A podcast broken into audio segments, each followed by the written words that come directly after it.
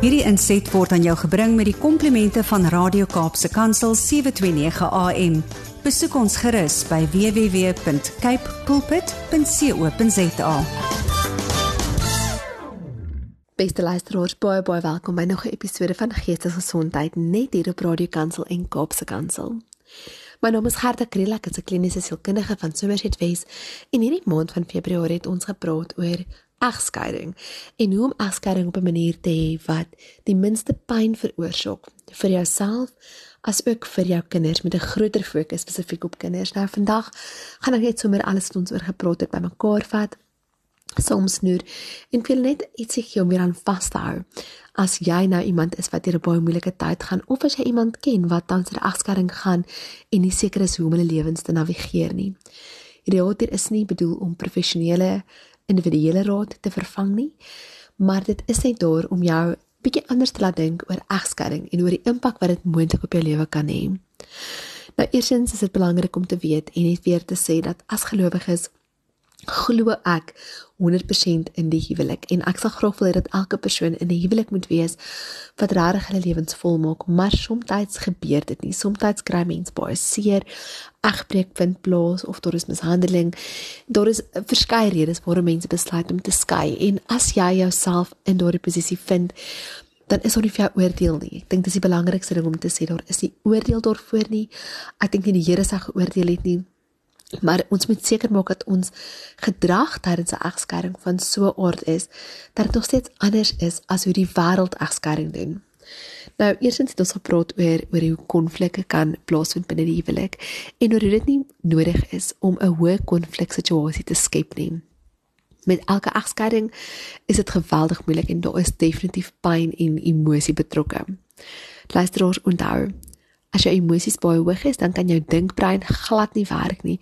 Inteendeel jou dinkbrein skakel omtrent heeltemal af en jy begin uit 'n veg of vlug plek uit jou lewe lei en dit is absoluut die grond vir konflik om te floreer.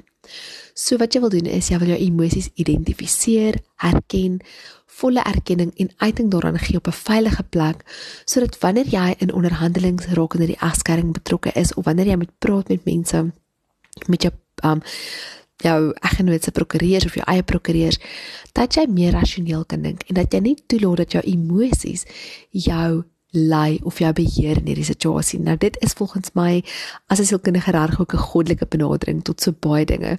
Die woord sê vir ons ons moenie in ons woede sondig nie. Dit beteken nie ons gaan nie woede beleef nie. Dit beteken net dat ons verantwoordelikheid het om ons woede op so 'n manier te hanteer dat ons nie deur binne sondig nie. En dit is regtig my gebed vir elkeen van julle is dat jou emosies jou nie gaan lei tot 'n plek waar jy verdere pyn of verdere seer gaan veroorsaak nie, maar dat jy beheer daarvan sal wees sodat jy so min as moontlik konflik kan hê. Goed. En dan luisteraars, is dit belangrik ook om te praat oor ons kinders. Nou, wanneer ons praat oor kinders, is dit altyd baie gelaai as jy ehm, 'n um, persoon is wat besig is om deur afskaring te gaan en jy het kinders. Sjoe, dan wil ek vir jou sê, dit is moeilik. Dit is baie moeilik as jy dink aan jou kind in hierdie situasie, maar daar is 'n paar goed wat jy kan doen om vir jou kind regtig die beste moontlike uitkoms te hê. Ons het gepraat oor dat kinders nooit tussen ouers geplaas moet word nie. Dat jou konflik wat jy met jou maat het, gefokus moet wees op julle verhouding en nie op jou maat se verhouding met jou kinders nie. En dan het ek ook voorgestel dat as daar kinders betrokke is, dat jy as 'n ouerpaar eerder vir mediasie gaan omdat mediators dikwels kyk na die kind se beste belang en nie net na die individu wat besig is om te skei se beste belang nie, vind ons dat kinders oor die algemeen baie meer beskerm is wanneer daar 'n mediasieprogram of 'n mediasieproses betrokke is, daarbey wanneer um, daar egskeiding tussen ouers plaasvind. Dit is ook belangrik dat die ouerskapsplan gereeld hersien word. Nou luisteraars, ek weet dit is baie moeilik en hier is 'n vraag wat ek dikwels kry, is hoe gereeld moet jou mediasieplan of jou ouerskapsplan hersien word as daar kinders betrokke is? En as jou kinders klein is, wil ek sê amper elke 6 maande. Hoekom sê ek so? Wel, dit is omdat jou kinders se ontwikkelingsfase so vinnig verander in die eerste paar jaar van hulle lewe soos wat hulle ouer raak en meer van skoolgaande ouderdom is, kan die planne vir 'n jaar in plek wees. En selfs wanneer hulle tieners begin raak, dan begin die planne ook verander om meer hulle stem en hulle behoeftes ook in te sluit. Dis belangrik om te besef dat jou kind ook in hierdie pyn van egskeiding saamgesit word en sjoe as ek vir julle moet sê met hoeveel ouers ek al gepraat het wat deur egskeiding gaan wat net sê hulle kinders se emosies raak heeltemal deurmekaar of hulle kinders wil nie na hulle hulle ander ouer toe gaan nie dan wil ek vir julle sê dis normaal. Dis normaal om daai gedrag aan jou kind te sien omdat jou kind 'n loyaliteit tot albei ouers het.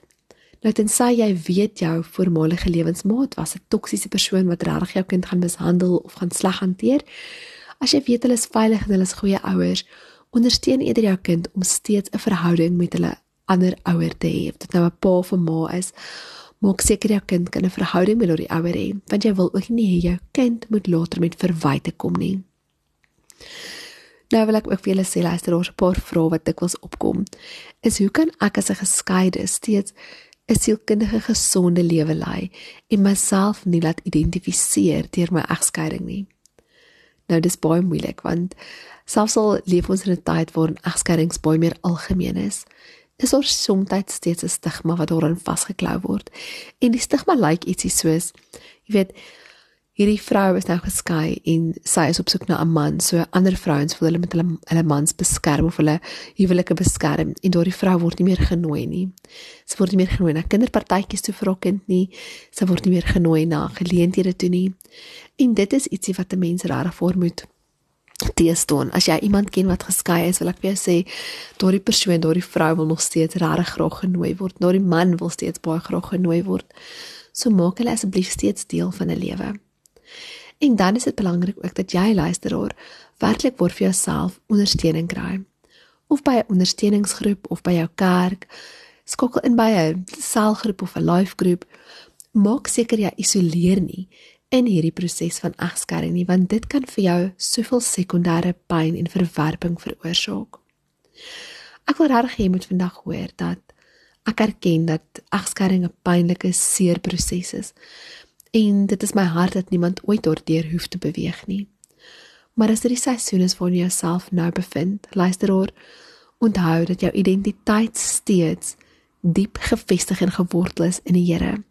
Daar is niks wat jou kan skei van sy liefde nie. Nie egskeiding nie, nie die dood nie, nie enige sonde nie. Net jy self kan die keuse maak om nader of verder van jou af te beweeg. En dit is my hart dat jy in 'n afskeidingsproses aan hom sal vashou wat jou so liefhet. Aan hom sal vashou wat jou geskep het en wat vir jou 'n wonderlike plan op hierdie aarde het. So alhoewel dit pynlik is, onthou wie jy is. En in die hele afskeidingsproses handhof ook jouself so. As jou identiteit in die Here gefestig is, dan gaan jy definitief nie in onbenullige konflik met jou eks betrokke raak nie. Ek hoop regtig hierdie reeks het jou bemoedig as jy self deur die afskeidingsproses gaan en jou ook bietjie bemagtig met 'n paar wenke oor hoe om die proses so pynloos as moontlik te maak. As daar enige van julle is wat spesifieke vrae het of seker goed wil weet, is julle ook welkom om vir my e-pos te stuur by gardakriel.psychology@gmail.com. Dit sal 'n voorreg wees om net bietjie met julle te kan dinge deel en alhoewel ek nie op daardie manier individuele raad of individuele terapie vir elkeen kan gee nie, kan ek net algemene raad gee of algemene riglyne, baie soos wat ons hierdie maand bespreek het. Mag julle werklik 'n geseënde week en 'n geseënde um res van Februarie. Dit is dan maar 'n lekker kort maand na so lank Januarie. Praat weer volgende week. Totsiens. Hierdie inset was aan jou gebring met die komplimente van Radio Kaapse Kansel 729 AM. Besoek ons gerus by www.cape pulpit.co.za.